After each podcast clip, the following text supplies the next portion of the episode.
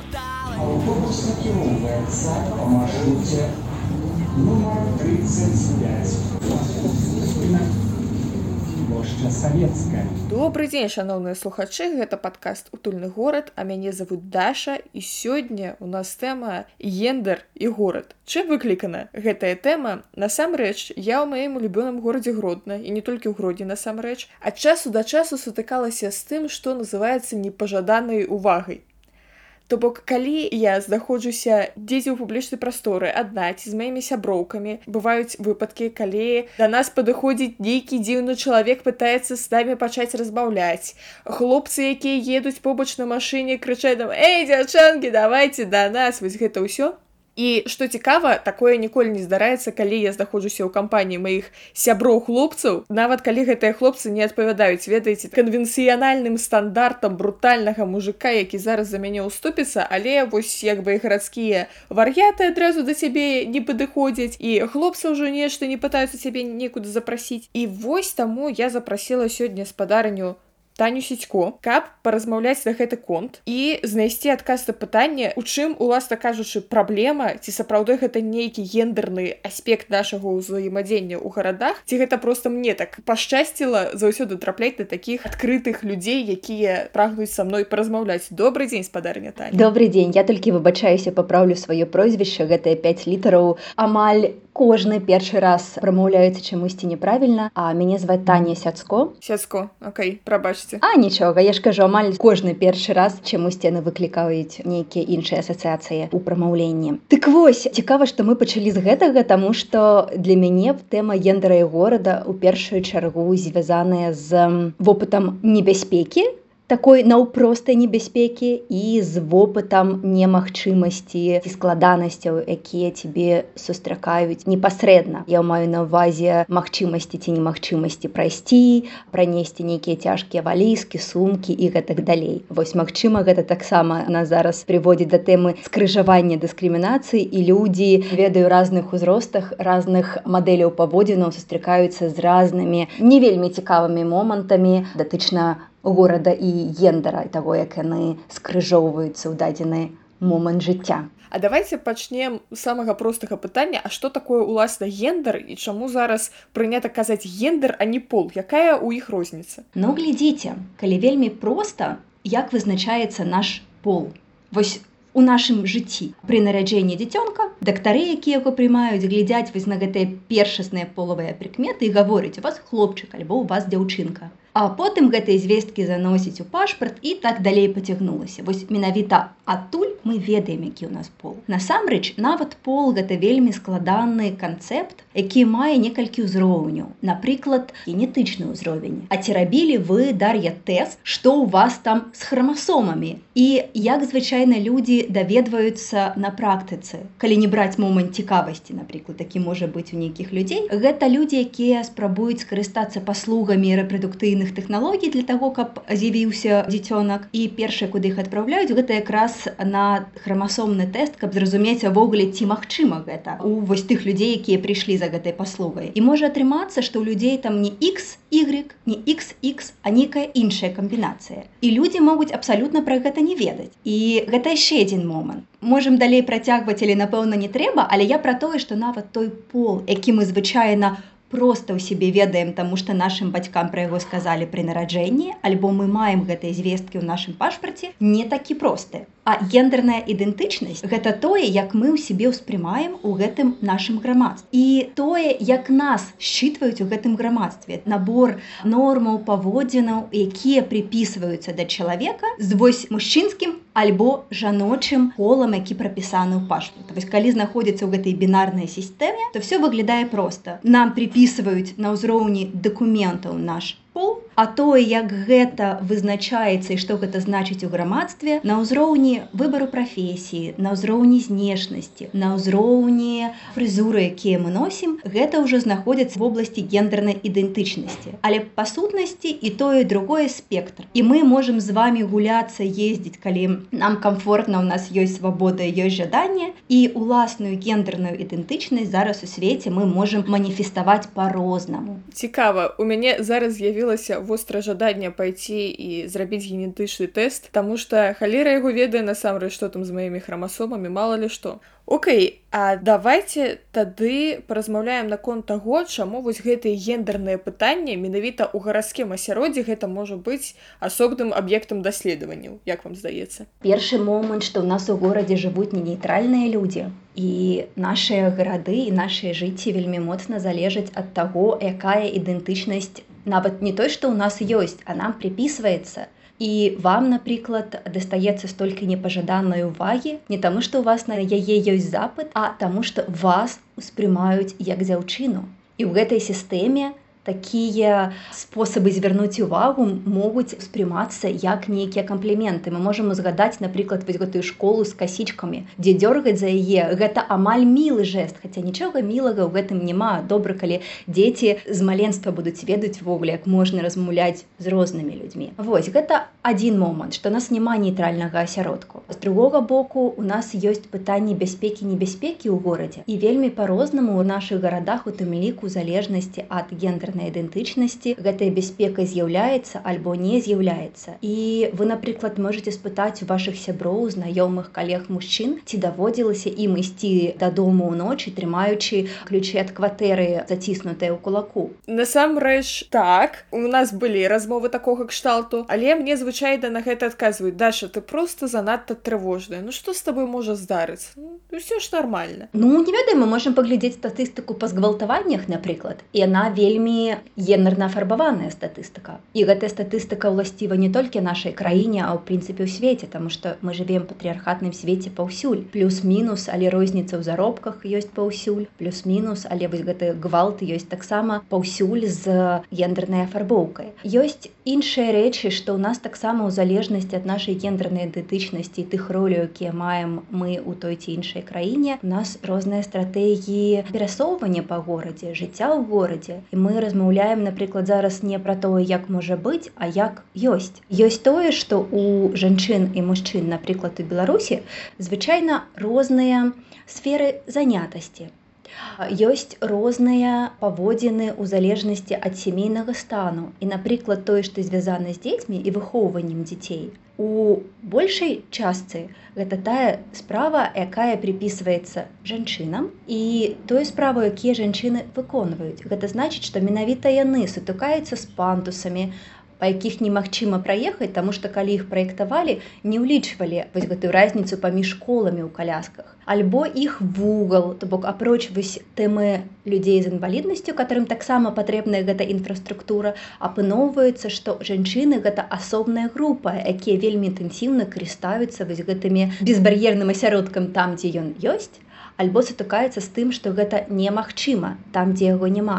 Тое ж самае з транспартам. Калі мы будзем казаць у сярэднім у мужчынаў больш у наяўнасці аўтамабіляў прыватных і гэта значыць што яны знаходзяцца ну як бы у сваёй машыне на сваёй дарозе зноў жа жанчыны гэта тыя людзі якія з тымі шкаляскамі карыстаюцца грамадскім транспартам гэта тыя людзі якія вельмі часта карыстаюцца паслугамі на рынках. Я маю навадзе закупляюць там агромныя торбы і валакуць іх дадому і так далей вось усё гэта я кажу да таго што мы живвем як людзі в горадзе вельмі не нейтральная гісторыя і мы тут знаходзімся па-першае вось у гэтых межах бінарнага мужское жаночае збольшага тому что наши іншыя гарады беларусі не дапускаюць іншага не звяртаюць увагу на тое што людзі ёсць па-за гэтым спектр таму напрыклад нашыя грамадскія прыбіральні апроч таго што яны не заўсёды чыстыя што з'яўляюць таксама дыскамфортным яны яшчэ і бінарныя. Гэта значыць што мы выключаем яшчэ значную групу людзей якія сябе не ідэнтыфікуюць як мужчыны і жанчыны. Вось. Але вся наша прастора навокал яна канешне маркіраваная. Таму вельмі важна глядзець як жывуць жанчыны як жывуць мужчыны і як жывуць людзі якія знаходзяцца на іншых спектрах вось гендерныя ідэнтычнасці у наших гарадах. Ці аднолькавыя у нас магчымасці ў гэтых гарадах? Ці аднолькавыя у нас траекторыі ў гэтых гарадах ці аднолькавыя ў нас увогуле цікавасці патрэбы запыты ў гэтых гарадах і ці аднолькава праектуецца горад для нашых патрэбаў. Вось і гэта немагчыма рабіць па сярэдняга чалавека таму што ну як вы ведаеце сярэдняга чалавека з нейкімі сярэднімі патрэбамі папросту не існуе. Таму вось гэты гендерны момант безумоўна нам важны. Але ж звычайна на такія выказванні адказваюць што ну вось зараз жа прынамсі заканадаўча мужчыны і жанчыны роўныя там у канстытуцыі прапісана вось некалі там стагоддзямі таму і вось наконт стагоддзяў таму. Напрыклад ёсць такая гарадзенская файная даследчыца Наталі сліж і ў яе ёсць артыкул гарадзенская мяшчанка у палоне сярэднявечнага права і там апісана што у беларускіх гарадах у сярэднявечы і ў гродзе таксама жанчына там не мела права распараджацца сваёй маёмасцю. Здавалася б якая там ёй дасталася ў спадчыну ці яшчэ нешта не мела яна такога права. Яна мусіла мець апекуна які б займаўся ўсімі яе справамі. Дзяўчынам вельмі рэдка бацькі там давалі адукацыю ўсё астатніе пры гэтым калі здаралася нешта ў сям'і напрыклад муж рамейстик там нешта забухаў загуляў яшчэ нешта здарылася жанчына бярэ на сябе ўсе ягоныя абавязкі пачынае працаваць за яго але праў зноў жа яна не атрымлівае. Нягледзячы на гэта. Дык вось у мяне пытанне. Ці можам мы прасачыць нейкія вось гістарычныя такія змены па перыядах можа быць калісьці жанчынам жылося лепей у гарадах а потым сітуацыя пагоршылася а потым зноў палепшылася калі мы гаворым пра небяспеку напрыклад гэта на ўзроўні жарта канешне мой адказ але мне здаецца што калі з'явілася электрычнасць у гарадах і вуліцы сталі светлымі гэта просто вельмі значны момант які нешта змяніў у магчымасці жанчыны вяртацца дадому калі казаць пра горад калі казаць не пра змены у грамадскай думцы што яшчэ тут можна прыгадаць гэта грамадскі транспарт калі мы не кажам пра прыватныя гісторыі і той час калі ён працуе. І калі мы будзем браць напрыклад маленькія гарады то вельмі частая гісторыя калі транспарт які злучае суседнія вёскі альбо пасёлак з вёскаю кончвае хадзіць вельмі рана. І гэта значыць што вы зноў мы сустракаемся з гендернай праблемай да што адна жанчына якая вяртаецца з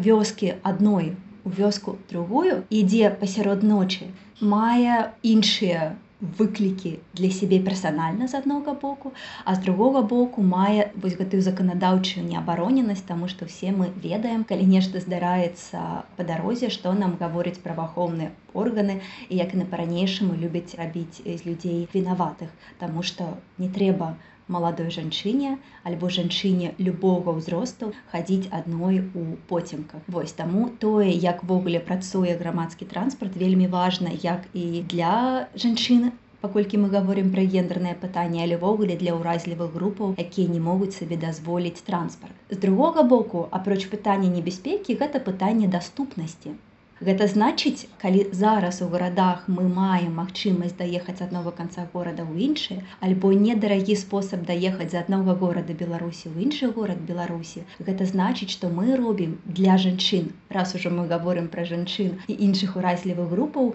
многія рэчы магчымымі. І гэта можа быць і працоўная мігранцыя, а гэта можа быць нейкія забаўляльныя гісторыі якія жанчыны могуць сабе дазволіць у іншым горадзе альбо не дазволіць калі мы бярем нейкія гістарычныя спасылкі. Раней гэта было зусім немагчымым. Таму увогуле любыя тэхналагічныя змены якія адбываюцца ў горадзе вельмі моцна ўплываюць на стан уразлівых групаў і на стан вось жанчын калі мы уже пра іх вядзецца гаворка. У мяне яшчэ вось пытанне пра гэтую гендерную рознасць усё ж такі здавалася б каб арабаваць чалавека ну якая розніца які ў яго пол ці гендер ці так далей. Можна і на мужчыну нападаць так? Але ўсё адно большую небяспеку адчуваюць жанчыны. Як вы думаеце з чым гэта звязана? У нас ёсць нейкія вось гэта гендерна афарбаваныя прадстаўленні аб тым каго можна там рабаваць і гвалтаваць ці не? Ну калі гвалтаваць то канешне Таму што як бы асноўны страх ідзе прабачце не пра рабаванне а акурат пра гвалт і сапраўды статыстыка гвалту гаворыць што людзі на якіх здзяйсняюцца напады гэта жанчыны. Гэта людзі якіх ідэнтыфікуюць як жанчыны. Але з іншага боку чаму гэта у тым ліку гарадское пытанне? То бок я сябе зараз пастаўлю на месца гарадской адміністрацыі і развяду руками со словамі ну а што я магу зрабіць? Ну у нас тут так патрульна-паставая служба ездзіць перыядычна на машынах канешне сэнсу ў гэтым не тое каб шмат але ўсё ж такі што можа зрабіць гарадская адміністрацыя вось на ўзроўню там планавання кіравання і так далей. Давайте нават адукацыю выкінем да вось гэты бок таго што можа зрабіць горад. Што можа рабіць адміністрацыя? Гэта першае што уже казалі гэта асвятленне калі вуліцы светлыя гэта карысна не толькі жанчынам якія могуць альбо дзяўчынкам якія могуць баяцца вяртацца дадому авогуле ўсім людзям усіх магчымых ідэнтычнасцяў і ўсіх магчымых станаў здароўя. Другі момант гэта той што ў нас адбываецца з кустамі дрэвамі вось гэтай зялёнай зоны Таму што гэта таксама пра адчуванне бяспекі і пра магчымасці арганізаваць нейкія небяспечныя гісторыі да? Вось гэтыя кусты у якіх як бы не толькі ваўкі могуць хавацца дзіцячых казках і гэта можа быць зноў жа вось тая патрульна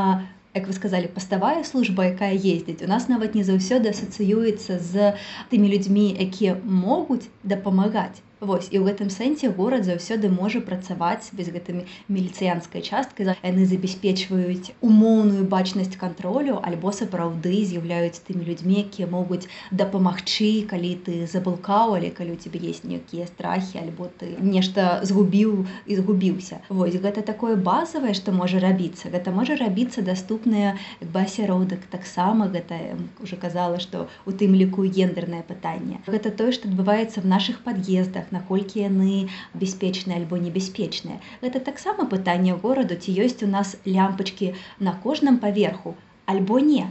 У нас ёсць такая тэма ў Мску, калі лямпачкі будуць праз пад'езд, бо ў прынцыпе хопіць да, каб ключ у дзверы засунуць. Таму я не ведаю вось гэтыя все моманты, што адбываецца перад пад'ездам таксама. Проста я зараз калі кажу, я уяўляю свой маршрут дадому. Вось я выходжу і што я бачу перад сабою. Вось.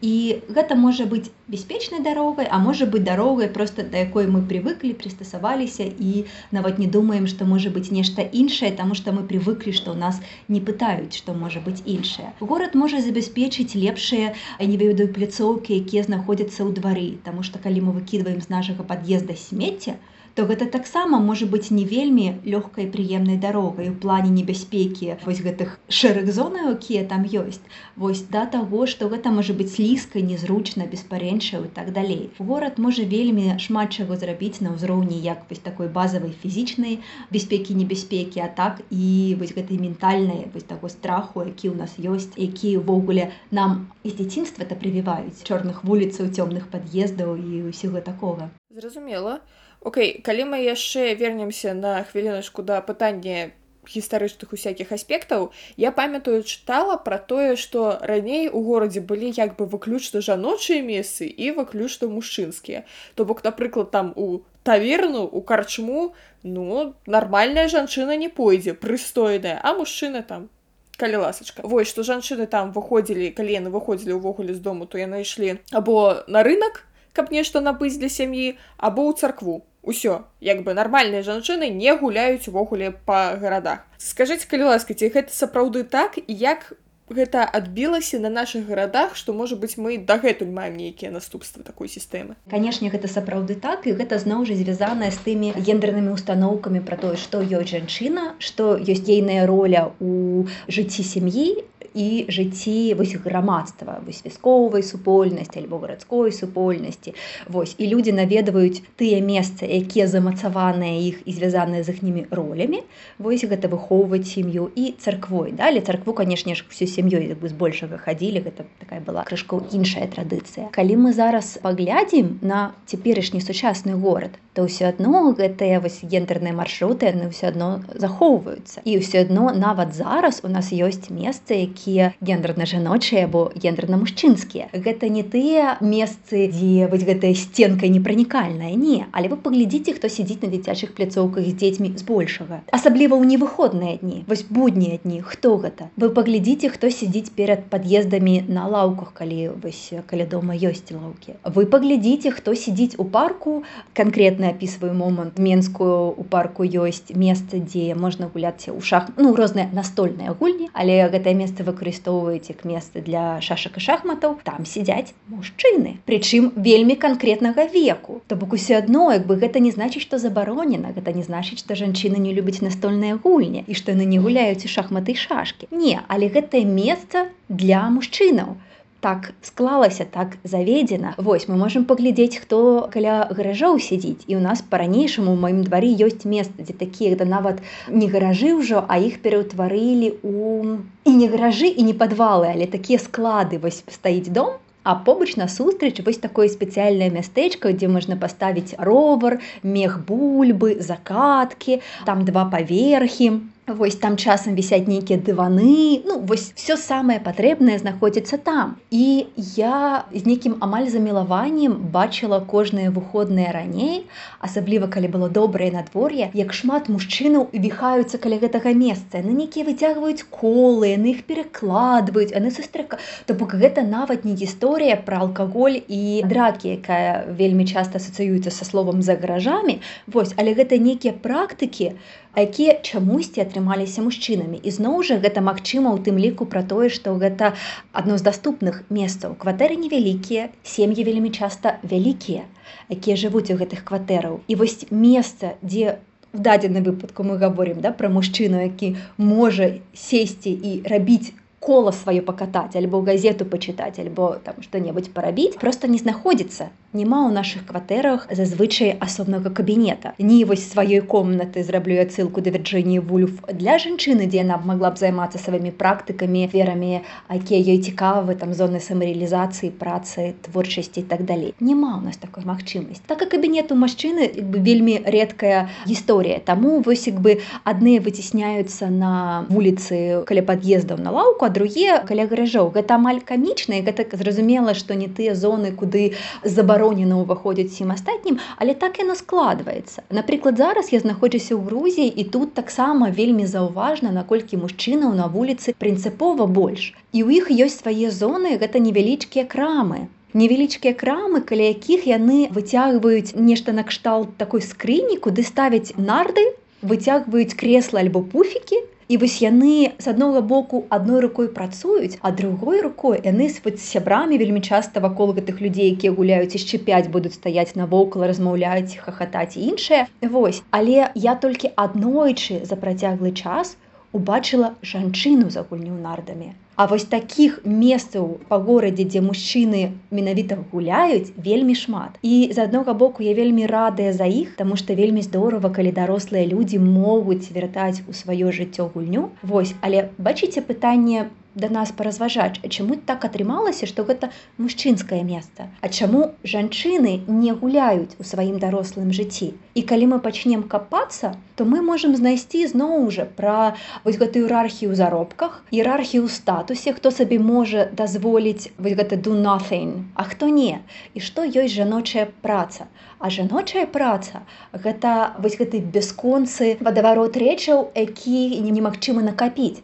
Ты вымываеш посуд ён зноў забруджвае ты гатуеш ежу яна праз секунду знікае ты прыбіраеш кватэру а гэты пыл зноў налятае і таму немагчыма накапіць вы гэтую працу каб дазволіць сабе вольны час. Дадаем сюды дзяцей якія зноў жа так бы дзежурныя па дзецях звычайна жанчыны на жаль вось таму вельмі здорава было б калі б розныя людзі ўключаліся ў гадаванні дзяцей. Дарослыя я маю навазе вот наступнае пакаленне бацькі да якіх вельмі часта трэба з'ездзіць дапамагчы купіць лекі быць асістэнткай у клініку альбо нешта такое вось альбо дапамагчы з прыборкай. І так атрымліваецца што калі мы гаворім вось пра горад не пра адзінкавых людзей якія могуць сабе дазволіць наняць нейкіх памог памочнікаў а пра горад ва ўсёй разнастайнасці то мы убачым шмат мужчын у якіх ёсць гэты вольны час і ёсць магчымасць яго бавіць так як ім цікава і мы бачым шмат жанчын якія вось ведаеце вось гэтай руплівай працай займаюцца як бы гэта не гучала не своечасова калі мы гаворім пра вось наше стагоддзе. Таму канешне вось гэта гістарычная гісторыя. Змянілася горад стаў больш пранікальным і не так шмат месцаў куды жанчыне менавіта забаронена прыйсці. Але калі мы зойдзем вечарам напрыклад в які-небудзь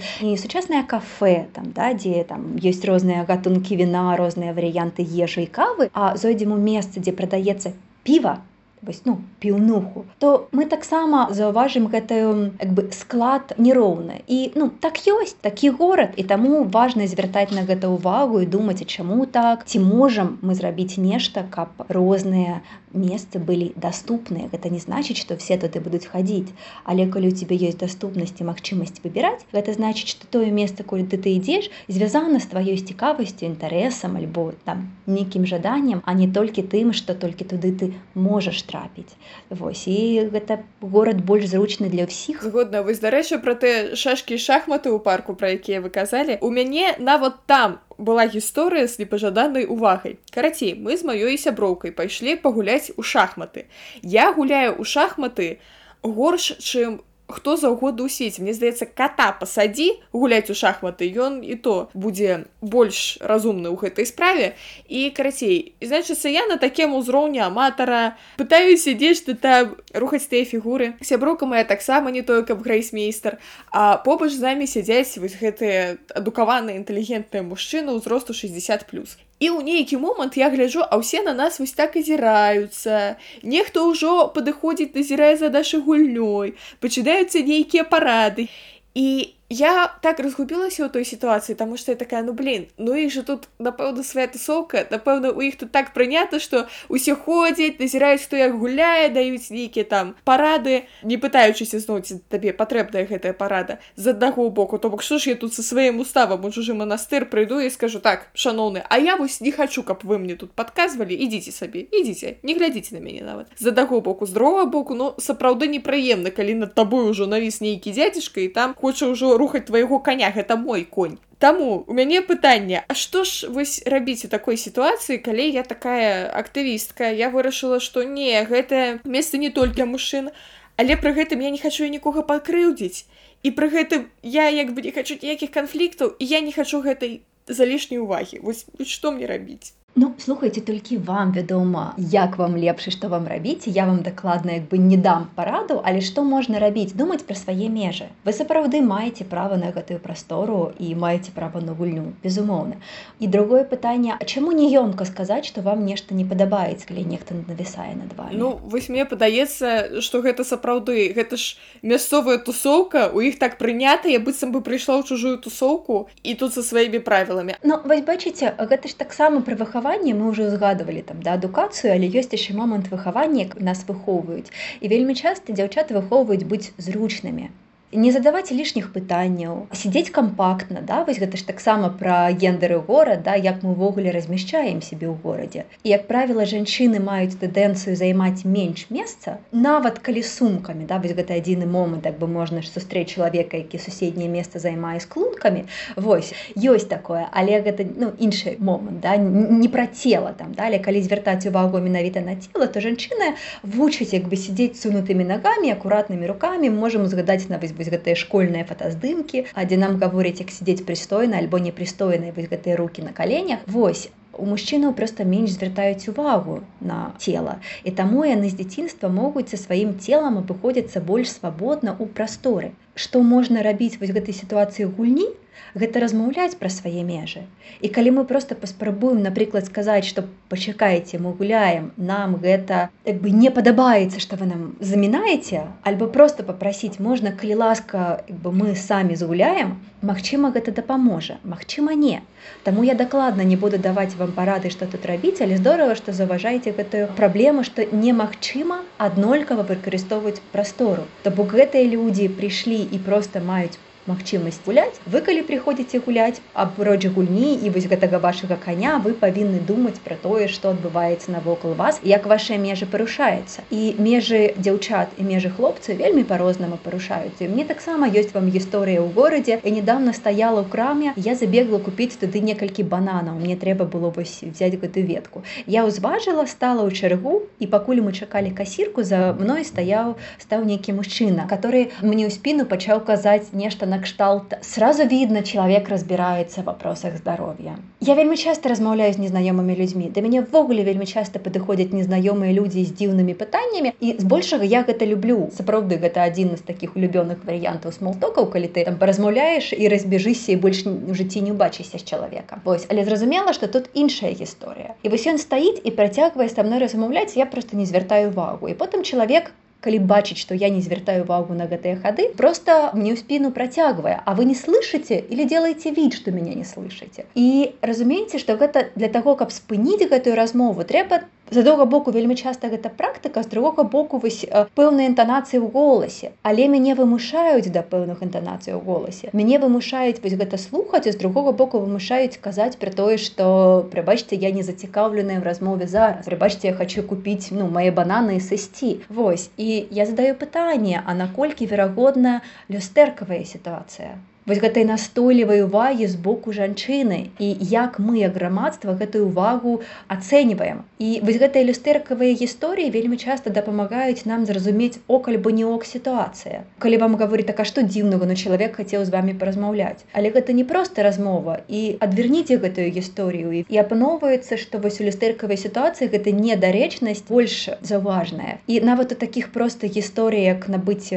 прадукты альбо пагуляць у шахматы нам часам даводзіцца маніфеставаць нешта пра свае межы да і гэта вось дадатковая такая ментальная нагрузка якая ў тым ліку кладзецца ў дадзеным выпадку на жанчын ты не можаш просто пагуляць ты не можаш просто купіць банана ты не можаш просто прайсці ўначы па цёмнай вуліцы ты часам павінна думаць про тое што гэта можа нешта здарыцца з табой могуць загаварыць гэта можа быць гвалт а можа быть не гэта можа быць просто чалавек які спытае як прайсці на нейкую вуліцу а можа быть чалавек які хоча з табой пазнаёміцца А як сказаць так каб чалавек не зачапіўся і прайшоў далей? То бок мы пра гэта думаем Таму што гэта сапраўды частка рэчаіснасці гэта не фантазія гэта не фантазма гэта тая гісторыя з якімі сустракаюцца жанчыны на працягу стагоддзяў. Вось гэты гвалт які лепей чыніцца прыбачце ўначы Вось і гэта тая ментальная нагрузка якая ёсць і мне вельмі шкада што мы павінны ў тым ліку трымаць гэтыя думкі. З аднога боку канешне яны забяспечваюць нам больш комфортную магчымасць не ведаю там секунднай стратэгіі калі нешта пойдзе не так але яны забіраюць нашы сілы з аднога боку а з другога боку яны пазбаўляюць нас цікавага вопыту таму што размаўляюць з людзьмі якія там 20 гадоў гуляюць тут шахматы магло быць цікава. Але калі я бачу што са мной людзі размаўляюць ніяк з чалавекам які прыйшла пагуляць шахматы яны не гэтую маю ідэнтычнасць бачыць а бачыць ідэнтычнасці там у вашым выпадку там маладой дзяўчыны і размаўляюць з інтанацыяй какетства то мне шкада пра страчаны воп тому што размаўляць вось з інтэлігентнымі шахматыстамі як вы сказалі можа быць цікава можа быць як бы у тым ліку новы разнастайны во але не асабіста вельмі часта крыўна ў гэты момант што размаўляюць не стоя маю ідэнтычнасцю а апілююць да мяне як да дзяўчыну з якой можна пахіхікаць альбо дакрануцца да плеча альбо ну вось нейкія такія рэчы навіснуць надо мной што мне некамфорт Вось і гэтая гісторыя калі паглядзець зноў жа вельмі часта маркіраваная гендерна маркіраваная когда нават калі мы не гаворым пра гвалт то это просто пра вопы такі мог бы быць клёвым а за замест гэтага у вас застаецца гісторыя як гэтыя дзядзькі навіслі над вами і пакушаліся на вашага каня якой халеры Я пра выхаванне таксама хацела сказаць у нас атрымоўваецца трошкі выпуск псіхатэрапіі мяне пра выхаванне я таксама памятаю гісторыю калі мне было год так 9 мы сядзелі ля кабінету ў школе чакалі пакуль прыйдзе настаўнік і я неяк так развалілася просто на сваім месцы і на мяне пачалі паказваць глядзіце яна сядзіць як мужик сядзіць як мужик і я з тых пор сядзела вось так вось здвинуўшы ногі руки і ўсё астатні я вось думаю наколькі гэтыя малюсенькія моманты якія там нават пра прабаўляюць не дарослыя не настаўнікі а просто як бы твае сябры аднакласнікі могуць на сябе паўплываць что ты потым такая на сапраўды вода сидзець клаўшы ручки на калені каб пра мяне нічога такога не падумалі Ну гэта сапраўды гэта з аднога боку пра цела пра што мы крышку вышэй казалі да? Але гэтае наше цело чаму гэта все адно пра нашу тэму да? Там что што б мы не зачапілі з гендерных студыяў гэта все адно пра наше жыццё а наше жыццё адбываецца ў гарадской прасторы. Вось і гэтае наше цело знаходзіцца у нашай кватэры. І нашыя кватэры могуць быць для гэтага зручныя альбо незручныя вось першае што мне прыйшло ў галаву да гэта то як у нас прынята вешаць напрыклад кухні у гэтай патрыархатнай сістэме кухня гэта жаночае месца это хозяйка. Кто у нас хозяйка? Где здесь хозяйка? Кажуць майстры якія прыходзяць нешта там рабіць пакруціць под рукамынікам альбо што але я столькі разоў сустракалася калі нейкія рэчы вось у гэтай нават патрыархатна маркіраваныя прасторы прасторы для мяне вешаюцца не для мяне а таму што прынята 60 сантиметраў якія не дазвалялі мне раней зручна карыстацца маімі шафкамі зверху. І потым калі я просто павесила гэтую кухню так як мне трэба так як мне зручна маё жыццё змянілася. І трэба сказаць гэтае маё рашэнне суправаджалася каментарыямі накшталт таго што гэта зробіць мою кухню нізкай цяжкай непры прыгожыя гэтак далей. Нават гэтыя каментары былі не пра мой комфорт а пра тое як гэта можа выглядаць. Скажу вам нічога не змяніла і нічога не стала цяжкім нізкім і незручным Вось але а, прастора стала маёй. Альбо што другое робяць вельмі часта майстры якія збольшага мужчыны яны вешаюць гэта под свой рост. І зноў жа не таму што яны нейкія злыя таму што яны хацелі б зрабіць наше жыццё больш складаным. Не таму што свет яны робяць под сябе Таму што яны не дапускаюць не абцяжарваюць сябе ў дадзены момант падумаць пра тое а хто гэтым будзе карыстацца. І калі паглядзець на то як зроблена як спраектаваны наш горад і калі спраектаваны наш горад. Мы убачым што гэта горад такі спраектаваны мужчынамі і для мужчын Таму што гэта тыя людзі якія раней толькі яны мелі ўладу і зараз збольшага яны маюць уладу але больш важны момант каб не скаціцца зараз нейкі біялагічны дэтэрмінізм і не падзяліць свет на мужчынскі і жаночы што гэта канешне у тым ліку і класавае пытанне. Як бы кіруюць горада мужчыны пэўнага класу і праектавалі калісьці нашыя гарады а гэта ж было даўнавата гэта ж не сёння мы з нуля будуем нейкі горад. Таксама пэўныя мужчыны пэўнага класу з пэўнымі каштоўнасцямі і жаданнем гэтыя каштоўнасці альбо замацаваць альбо не кранаць. І ў гэтым сэнсе калі мы гаворім пра тыя ж пытанні там веладарожак альбо там магчымасці веласіпедыстаў веласіпедыстак карыстацца праезжай часткай. Гэта ў тым ліку пытанне пасякальніцтва вось на той статус-кво які ёсць зараз. І таму гэта вельмі падобная гісторыя з гендерным пытаннем. Зараз зроблена так як зручна тым людзям якія маюць улады якія маюць доступ да ўлады якія маюць прывілеі вырашаць за ўсіх. І таму перагляд гэтага гэта ўжо спроба нешта змяніць і гэта непасрэдна канешне асацыюецца спробую як бы забраць нейкую частку гэтых прывілеяў. Але гісторыя ў тым што горад належыць нам розным людзям якія жывуць у гэтым горадзе гэтым горадам карыстаюцца. І гэта важна трымаць у галаве не толькі як бы гендернае пытанне а всемагчымыя скрыжаванне дыскрымінацыі. Гэта ў тым ліку людзі рознага ўзросту гэта людзі рознага розных фізічных магчымасцяў розных інтарэсаў.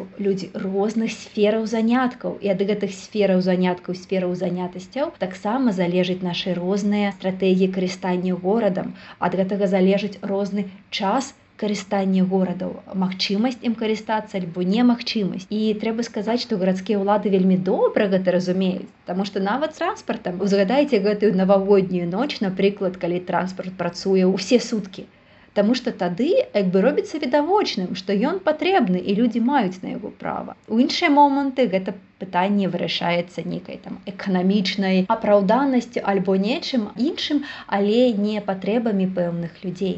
Таму многія рэчы людзі якія кіруюць горадам канешне ведаюць але яны не пераглядаюць гэта бо гэта не перашкаджае іхнім уласным стратэгіям жыцця ў горадзе. Яны могуць сабе дазволіць камфортнае зручнае. Вось а мы на жаль збольшага прывучаныя шукаць нейкія свае асабістыя рэцэпты свае асабістыя маршруты якія зробяць нашу дарогу дадому напрыклад бяспечнай хай сабе гэта будуць лішнія 15 хвілінаў дарогі альбо зробіць даступнай па безбар'ернасці хай сабе гэта вялікі круг. Але затое ты праедзеш не мацюкаючыся ўсю дарогу здорава што мы іх знаходзім але насамрэч мы маем права на гэты горад на камфортнае жыццё без вось гэтых спосабаў неяк вывільваць вышукваць да выжываць в гэтым горадзе. Вось было б здорово калі б новыя праекты будавалі з улікам патрэбы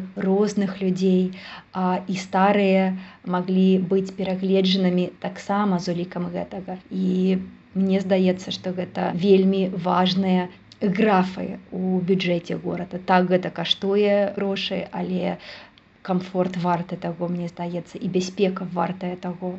Клас дзякую вам вялікім мне падаецца гэта файнае выказванне на завяршэнне нашага выпуску. Увогуле мне падаецца што мы звыклі ставіцца да гарадскога асяроддзя прыблізна як быццам бы мы недзе ў лесе пасярод дзікай прыроды і мы не ставімся да гэтага як да нейкай прастору якую мы можам наладжваць пад сябе а просто ну так склалася что тут расце дуб. Ну дуб мы абыдзем ну так склалася что тут балота. У балота мы не пойдзем і так далей. Але сапраўды горад гэта не лес і не балота і таму нам варта памятаць пра тое што мы маем права змяняць гарады под свой уласны камфорт і под сваю ўласную бяспеку. На завяршэнне хочу сказаць что паважаныя слухачы дзякуй што паслухалі гэты падкаст. Стаўце лайки зорачкі усе астатнія прыемныя адзнакі.